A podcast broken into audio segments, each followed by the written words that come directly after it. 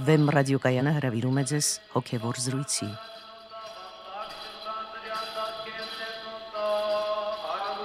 Սիրելի ունկնդիրներ, Վեմ ռադիոկայանի եթերում են արժանապատիվ Տեր Մեսրոպ Քահանա Արամյանը եւ Արա Սարգսակ Նալչաջյանը։ Այսօր մենք կզրուցենք սրբության մասին։ Օրհնեցեք Տեր հայր։ Աստված օրհնի։ Տեր հայր, հոգևոր սպասավորների շուրթերից հաճախ առիթ է լինում լսելու սուրբ սրբություն բառերը։ Սուրբ գիրքը եւս բազմիցս շեշտում է այս բառերը։ Այդ առումով օրինակ շատ հայտնի է Եսայի Մարգարեի տեսիլքի սրովբեական սրբասացությունը, որ ասվում է նաև Սուրբ Պատարագի խորհրդակատարության ժամանակ։ Սուրբ, Սուրբ, Սուրբ Տեր զորությանց, լի են երկինք եւ երկիր փառոքքո։ Ինչպիսի հոգևոր բովանդակություն ունեն ընդհանրապես Սուրբ սրբություն արտահայտությունները։ Եթե խոսելու լինենք զուտ բովանդակության մասին, այսինքն ինչ են ուղակի այդ բառերը նշանակում,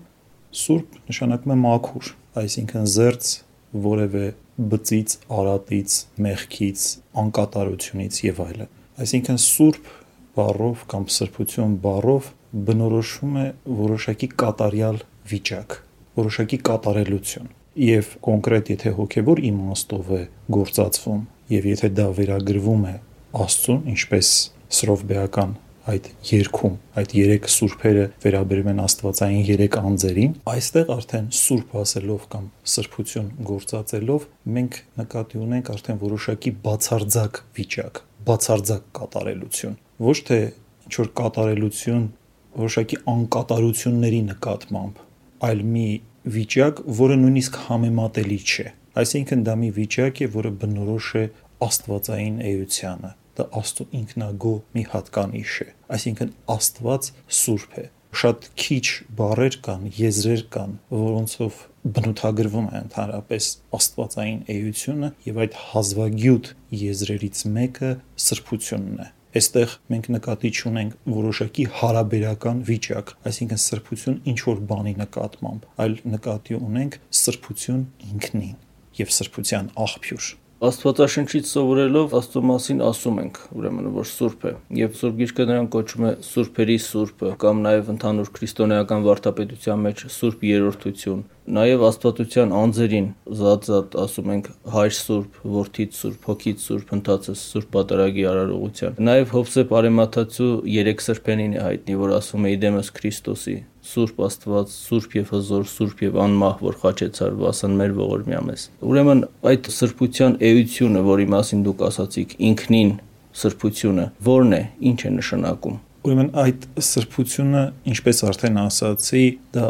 աստվածային գոյության ինքնաբուն, ինքնագո հատկանիշն է։ Դրանով բնորոշվում է աստվածային կատարելությունը նա կատարյալ եւ բացարձակ էություն է։ Իհարկե, այդ սրբությունը նաև արտահայտված է Աստծո արարչության մեջ։ Դրա համար երբ որ ասում ենք սուրբերի Տեր, այսինքն այդ սուրբերը արտահայտված են իր արարչության մեջ, կլինեն հրեշտակային դասեր, կլինեն մարդիկ եւ այլն, այսինքն Աստծո սրբությունը բնակվում է նաեւ մարդկանց մեջ։ Եվ դրա համար մենք նաեւ գործածում ենք սուրբերի Տեր, մենք սուրբ բառը շատ հաճախ ենք օգտագործում, երբ որ հիշատակում ենք աստվածային անունները, երբ որ ամենասուրբ երրորդության անունն ենք հիշատակում, ամենասուրբ երրորդության անունը հիշատակելիս ավելի կիրառելի է ամենասուրբ բառը։ Դրանով մենք ուզում ենք բնորոշենք, որ նա բոլորից սուրբն է կամ սուրբերի սուրբն է, ամենակատարյալ սուրբն է։ Դրա համար գործածում ենք ամենասուրբ բառը, բայց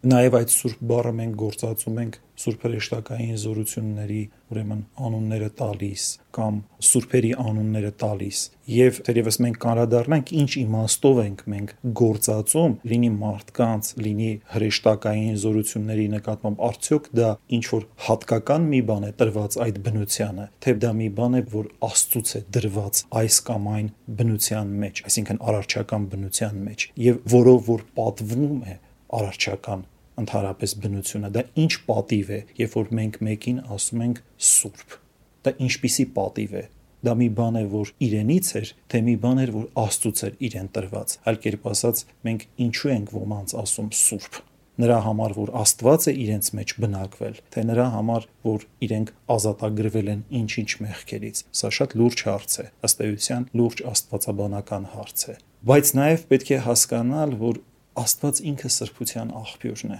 Ինքը ոչ միայն սուրբ է, ինքը նաև ճառագում է այդ սրբությունը, նրանից հորդում է այդ սրբությունը եւ Աստված իր սրբությամբ լցնում է ամբողջ արարչությունը իր սրբազան զորությամբ լցնում է ամբողջ արարչությունը եւ պատճառ է դառնում ամեն տեսակ սրբության եւ մաքրության process-ների ամբողջ արարչության մեջ։ Ուրեմն սրբությունը դա մի բան չի, որ Աստված ունի եւ դրանից արարչությունը անհաղորդ է։ Ուրեմն արարչությունը ինքը հաղորդակից է Աստվածային սրբությանը եւ դրա համար ինքը կոչվում է Սուրբերի Տեր։ Աստված կոչվում է Սուրբերի Տեր։ Ուրեմն, եթե ամփոփելու լինենք, մենք պետք է ասենք, որ Աստվածային էության ամենաարտահայտիչ բնութագրիչներից մեկը, ամենակարևոր հատկանիշներից մեկը սրբությունն է։ Եվ Աստված նաև այդպես հայտնվում է մարդկանց։ Աստված հայտնվում է իր արարչությանը որպես նաև սրբագործող զորություն, սրբագործող եւ ազատագրող զորություն, որ ազատագրում է մեզ մեղքերի անկատարությունից կամ մեղքի բռնադատվածությունից։ Տեր հայր, դուք ասացիք, որ Աստված սուրբ է եւ սրբությունը ճառագում հորդում է նրանից եւ դրանով հաղորդ է դառնում ամբողջ արարչությունը։ Այ օրինակ երկնաբնակ հրեշտակները, որոնք սուրբ են։ Սուրբ է Աստվածամայրը, բոլոր սուրբերի հետ միասին։ Փաստորեն սրբության այդ հատկություն ունեն երկնաբնակ էակներ եւ առհասարակ նրանք, ում մեջ բնակվում է Սուրբ Հոգին, որի մասին դուք արդեն ակնարկով ասացիք։ Եվ ինչպես ասվում է հավատո հանգանակում, եւ բնակեցավ ի Սուրբսն։ Այսինքն այստեղից կարելի է եզրակացնել, որ Աստված ինքը սուրբ լինելով եւ բնակվելով սուրբերի մեջ կծորդ հաղորդ է դարձնում այդ էակներին իր կատարելությանը, իր սրբությանը, այսինքն սրբացնում են նրանց ում մեջ բնակվում է եւ կարելի է բացատրել թե ինչպես է դա արվում, ինչպես է տեղի ունենում այդ սրբացումը։ Այդ սրբացման process-ը հասկանալու համար նախ մենք պետք է գնանք դեպի Քրիստոսաբանություն եւ փորձենք մոտենալ մեր Տեր Հիսուս Քրիստոսի օրհրդին Աստծո որդու մարդեղության խորհրդին։ Ասում են, որ Աստված մարդացավ եկեղեցու հայրերը, որպեսի մարդն Աստվածանա։ Այսինքն Աստված մարդանալով մարդուն տվեց աստվածանալու, այսինքն կատարյալ դառնալու հնարավորություն։ Եվ աստվածային սրբությունը էապես հաղորդակից դառնալով մարդկային էությանը, մարդկային էությանը ըստ էության հնարավորություն տվեց հասնելու սրբության։ Ես ուզում եմ ասել, որ սրբությունը մի բան է, որը մարդկային բնությանը տրված է արդեն մեր Տեր Հիսուս Քրիստոսի մարդեղությամբ Երևի դրա համար է ասում այն խոսքը, թե Աստված մարդացավ, որպեսի մարդն Աստվածանա։ Այո, ուրեմն Աստվածային սրբությունը ներբնակվեց մարդկային բնության մեջ։ Ոչ թե պարզապես ներբնակվեց, այլ էապես միացավ մարդկային բնությանը, որտեղ մենք ասում ենք անբաժանելի միություն Այսինքն մենք Քրիստոսի մեջ չենք կարող տեսնել որևէ երկվություն, դա անբաժանելի միություն է։ Այդպես են ուսուցանում մեր եկեղեցու հայրերը։ Ուրեմն սրբությունը անբաժանելիորեն միավորվեց մարդկային բնությանը։ Այսինքն դարձավ ինչ որ առումով լինելով աստվածային մարդկային բնության սեփական հատկանիշը եւ դարձավ կոչումը մարդկային բնության։ Մարդկային բնությունը վերստացավ նոր իմաստ եւ նպատակակետ Եթե մենք ձևակերպելու լինենք մարդկային գոյության իմաստը, ապա կարող ենք ասել, որ մարդկային գոյության իմաստը սրբության մեջ է։ Իհարկե, ինչև վերջ հասկանալ այդ աստվածային սրբությունը ինչ է, շատ դժվար է, որովհետև մեր միտքը սովոր է հարաբերական մտածողության։ Բացարձակը շատ դժվար է անցալել։ Եվ շատ դժվար է մեր նման մեղավոր մարդկանց համար ըստ էության խոսել սրբության մասին։ Շատ դժվար է բայց ուսումնասիրելով եկեղեցու հայրերի ճշմարիտ գրվածքները, Սուրբ Գիրքը եւ նրանց հոգեշունչ մեկնությունները, որտեվ նրանք իրապես ապրել են այդ սրբությունը, եղել են իրական սուրբեր, Ես ուզում եմ ասել, որ միայն իրական սուրբերը իրավունք ունեն սրբության մասին խոսելու։ Մենք կարող ենք ընդհանրապես վերարտադրել, թե ինչ են նրանք ասել, որտեվ սրբությունը ունի պատմություն։ Ուրեմն նրանք ասում են, որ սրբությունը դարձավ մարդկային գոյության նպատակը, Ուրեմն մարդկային գոյությունը նպատակա ուղված է դեպի սրբություն։ Այլ կերպ ասած, եթե մարդը այլ ճանապարհով է ընթանում, ուրեմն ինքը շեղված է իր բուն նպատակից։ Եթե մարդը ծառայում է օրինակ մեղքերի, եթե մարդը չի գնում դեպի կատարելություն, չի փորձում ազատագրվել այդ կապանքներից, որով չարը բռնել է իրեն այս աշխարհում, ուրեմն այդ մարդը այլ կերպ ասած չի կարող կոչվել քրիստոնյա որովհետև քրիստոնեությունը ասում է, որ մարդը պետք է գնա դեպի սրբություն, այսինքն պետք է գնա առ Աստված, պետք է Աստվածանա մարդը։ Ուրեմն սա տրվեց մեզ մեր Տեր Հիսուս Քրիստոսի խորհրդով։ Սա շատ կարևոր պահ է, Մենք պետք է կենտրոնանանք այս պահի վրա եւ հասկանանք, որ սրբությունը, սրբության ձեռքբերումը մարդու համար դավանաբանական պահ է։ Դա մեր դավանության էական եւ բաղկացուցիչ մասն է։ Հետևաբար նրանք, ովքեր որ շղթում են սրբությունը, նրանք շեղված են արդեն ուղափառ դավանությունից որևէ մեկը եթե չի ընդունում սուրբերին եւ չի ընդունում, որ մարդկային բնությունը կարող է հասնել սրբության, ապա ինքը շեղված է ուղափառ դավանությունից։ Իսկ ուղափառ դավանությունից շեղված ամեն մի ուսմունք որակավորվում է աղանդավորություն, པարս եզրով այսինքն դա աղանդ է պոտենցիալ կամ իրական աղանդ է եթե որևէ մեկը չի ընդունում սուրբերին ինչու է դա շատ կարևոր տեսեք մենք հավատամքի մեջ ասում ենք որ սուրբ հոգին բնակվեց սուրբերի մեջ հատկապես շեշտում ենք սա որովհետև ըստ էության եկեղեցու տնորինությունը դա Սուրբ Հոգու տնորինությունն է այսինքն Աստծո որդին ավարտելով իր մարմնավոր տնորինության ընթացքը ասաց որ ինքը գնում է հոր մոտ եւ ինքը կառակի մխիթարիչին եւ իր հարությունից հետո 50 օր անց Սուրբ Հոգին հրել լեզուների տեսքով իջավ առաքյալների վրա եւ լցրեց Աստծո որդու մարդեղության փրկագնված արարչությունը Սուրբ Հոգին։ Եվ ըստ էության, երբ որ մենք ասում ենք եկեղեցի, հասկանում ենք Սուրբ Հոգու ներկայություն, շարունակական ներկայություն։ Երբ որ ասում ենք Սուրբ Հոգու ներկայություն, ուղակի հասկանում ենք եկեղեցի։ Այս մասին ուղակի տարածիորեն ասում է Սուրբ Իրինեոսը ասում է որ այնտեղ որտեղ Աստծո Սուրբ Հոգին է, այնտեղ եկեղեցին է եւ այնտեղ որտեղ եկեղեցին է, այնտեղ Աստծո Սուրբ Հոգին է։ Ուրեմն եկեղեցին ինքը կրիչն է Սուրբ Հոգու շարունակական ներկայության եւ Աստծո որդին ինքը ասաց, որ սրանից ավելի մեծ հրաշքներ կգործեք։ Այսինքն այն ինչ որ ինքը գործեց, ասաց, որ մարդիկ ավելի մեծ հրաշքներ կգործեն եւ հետեւաբար Աստծո որդու խոսքը պետք է նաև պատմականորեն իրագործվեր եւ մենք տեսնում ենք այդ վկայությունները պատմության մեջ մենք տեսնում ենք որ Սուրբ Հոգին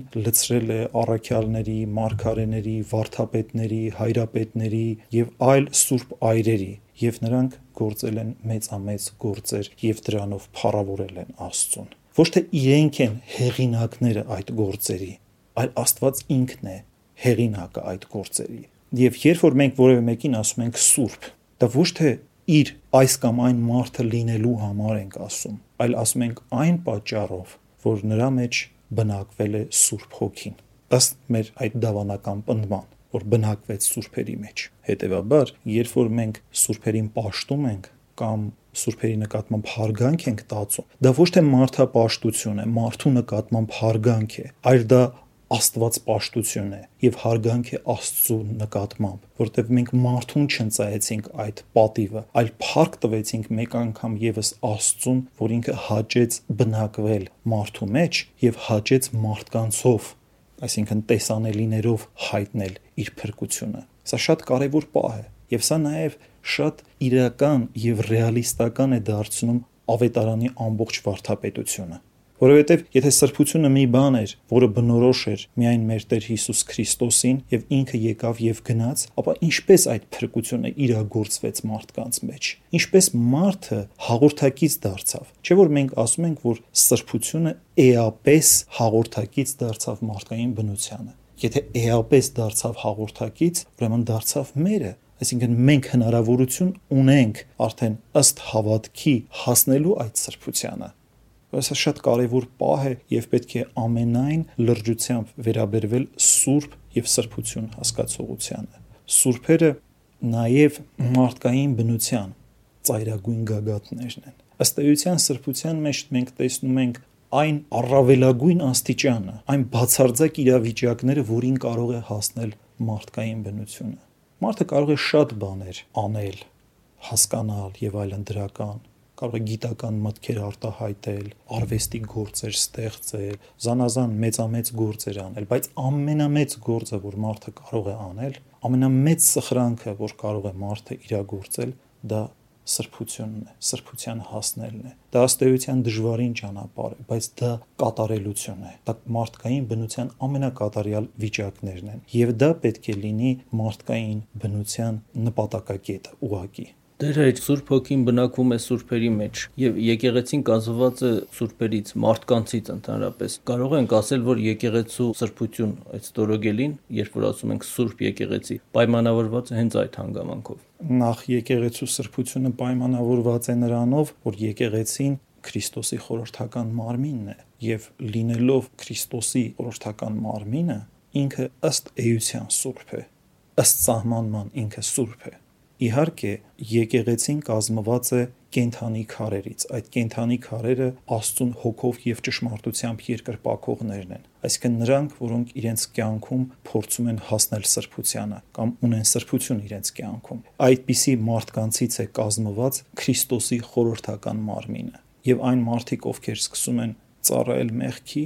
եւ հեռանում են սրբությունից, իրենք դադարում են լինելու Քրիստոսի խորհրդական մարմնի անդամներ կամ այսպես կոչված լինում են ընկած անդամներ կամ այդ գլորված քարերն են լինում Քրիստոսի խորհրդական մարմնի։ Եւ բացի դրանից նաեւ եկեղեցին սուրբ է, որովհետեւ եկեղեցին լցված է սուրբ հոգով եկեղեցին Սուրբ Հոգու կենթանի վկայությունն է, կենթանի եւ շարունակական վկայությունն է, ինչպես արդեն ասացինք, եւ ամեն բան, ինչ որ որ կատարվում է եկեղեցում, կատարվում է Սուրբ Հոգով, խորհրդաբար, բոլոր խորհուրդները որոնք մեզ մատակարարում են սրբություն։ Այսինքն եկեղեցին ոչ միայն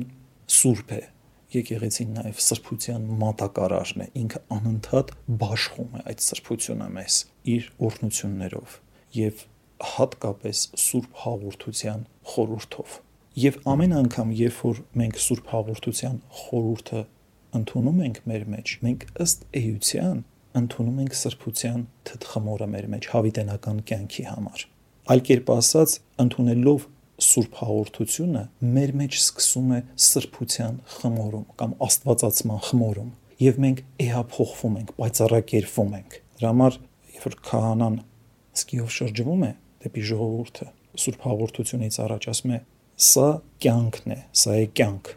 հույս հարության, հարության հույսը, խավություն եւ թողություն մեղած մեղքերի խավությունը եւ թողությունը։ Այսինքն քահանան նախ եւ առաջ շեշտադրում է, որ այն ինչ որ որ դուք ընդունում եք հիմա, սա է իրական կյանքը, իրական կյանքի սկիզբը ձեր մեջ։ Սա ընդունելով նաեւ ձեր մեջ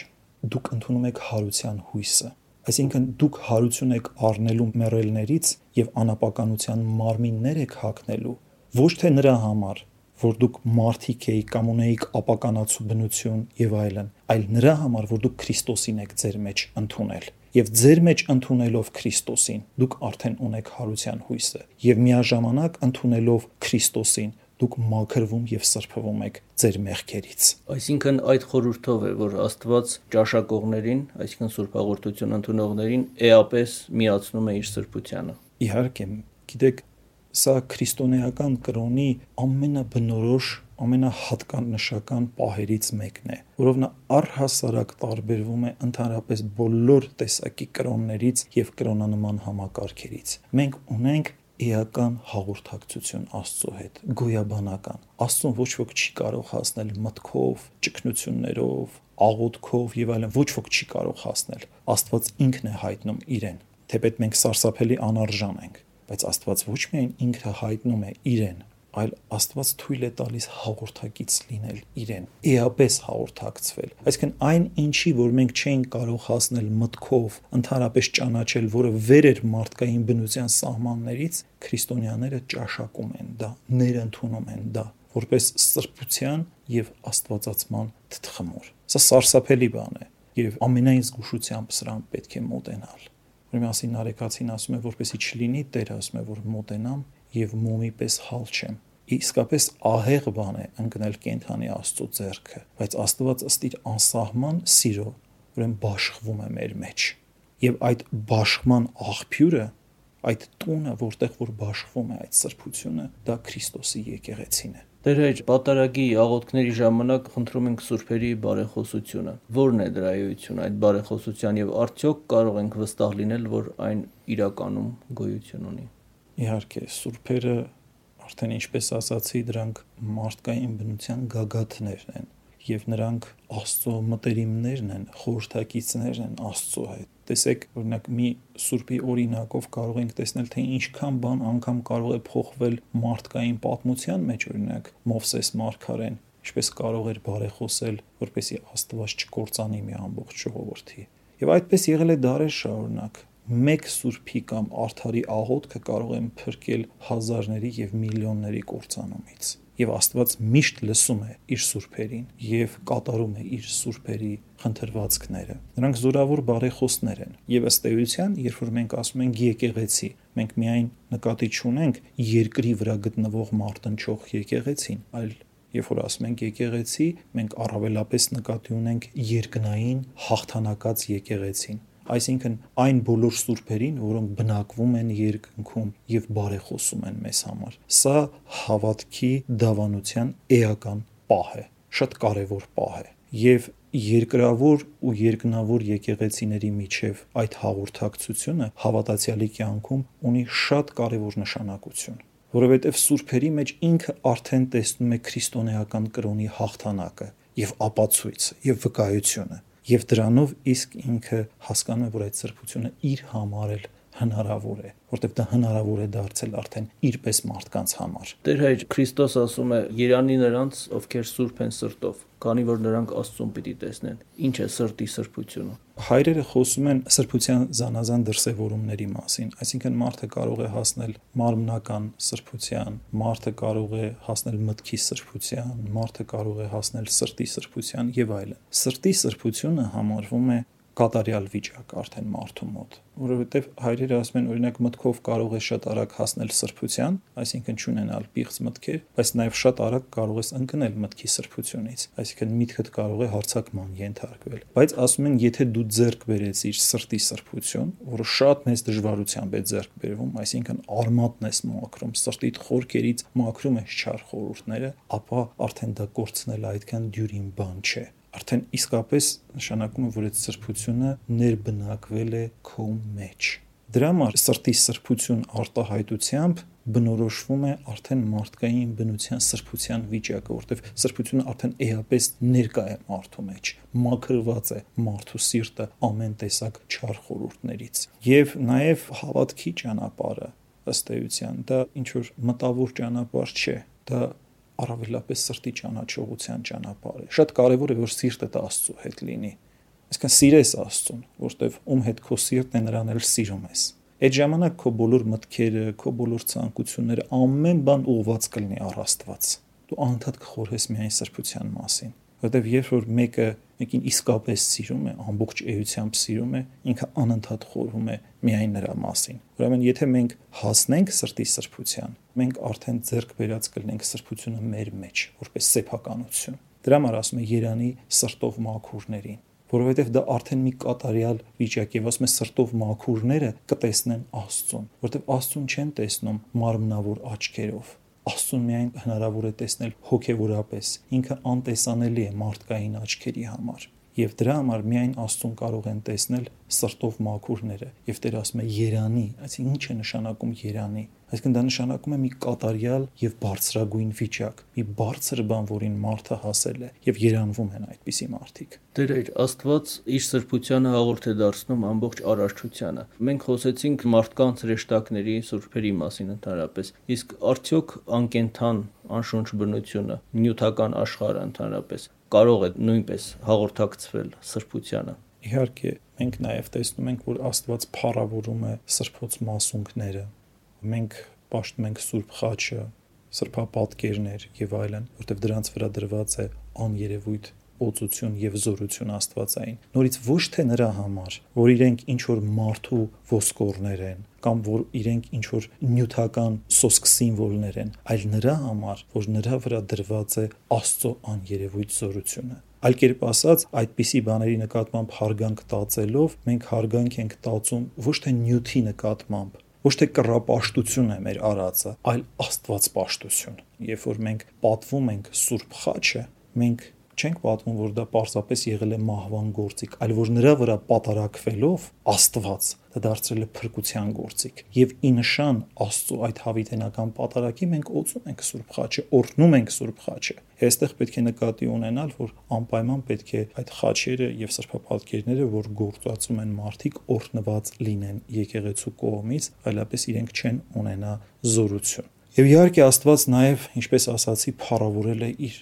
սուրբերի նշխարները։ Եվ սա շատ կարևոր է։ Սուրբեր են եղել նաև, որոնց մարմինները դարձել են անապական, մյուրոն է արտաբխել նրանց արդեն մարմնից, մահվանից հետո, եւ Աստված նաև դրանով հայտնել է ապագա անապականության խորուրդը, այսինքն ինչպիսին պետք է լինի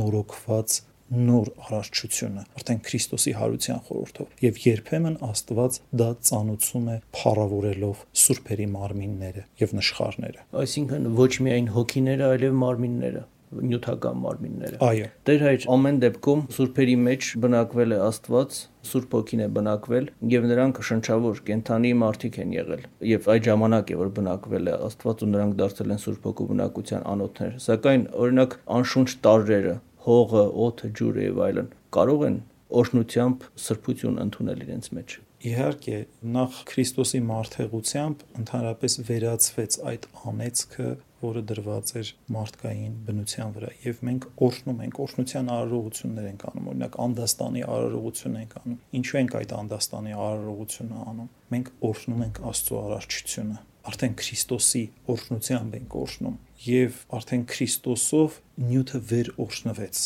նյութականը վերստացավ նոր իմաստ ինքը այլևս այն անիծված իրողությունը չէ որ կար մինչև Քրիստոս կամ անհասկանալի իրողությունը չէ, որ արկա է բոլոր կրոններում, որտեղ բոլոր կրոնների մեջ կա հոգևորի եւ նյութականի հակասություն։ Ավելին ոչ մի կրոնի մեջ նյութականը լուծում չունի դա մի անհասկանալի վատ բան է, որից պետք է հրաժարվես։ Եվ կրոնական ճանապարհը հասկանում են միմիայն նյութականից հրաժարվելը, այսինքն ծայրահեղ ասկետիզմը, բայց քրիստոնեության մեջ նյութականը վերօրհնվում է, ստանում է նոր իմաստ, եւ նույնիսկ անապականության խորհրդով նյութականը դառնում է համահավերժ հոգուն սա ամենակարևոր ըմբռնումներից մեկն էր որ մարդկությանը տվեց քրիստոնեությունը Շնորհակալություն Տեր հայր թույլ տվեք սրանով եզրափակել մեր այսօրվա զրույցը սրբության մասին Սիրելի ունկնդիրներ իմ զրուցակիցն էր արժանապատիվ Տեր Մեսրոպ Քահանա Արամյանը օրհնեցեք Տեր հայր Աստված օրհնի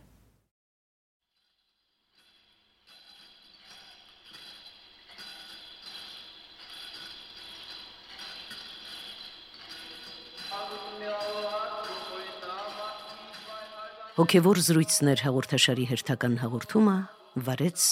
Արաս Սարգսակ Նալչաջյանը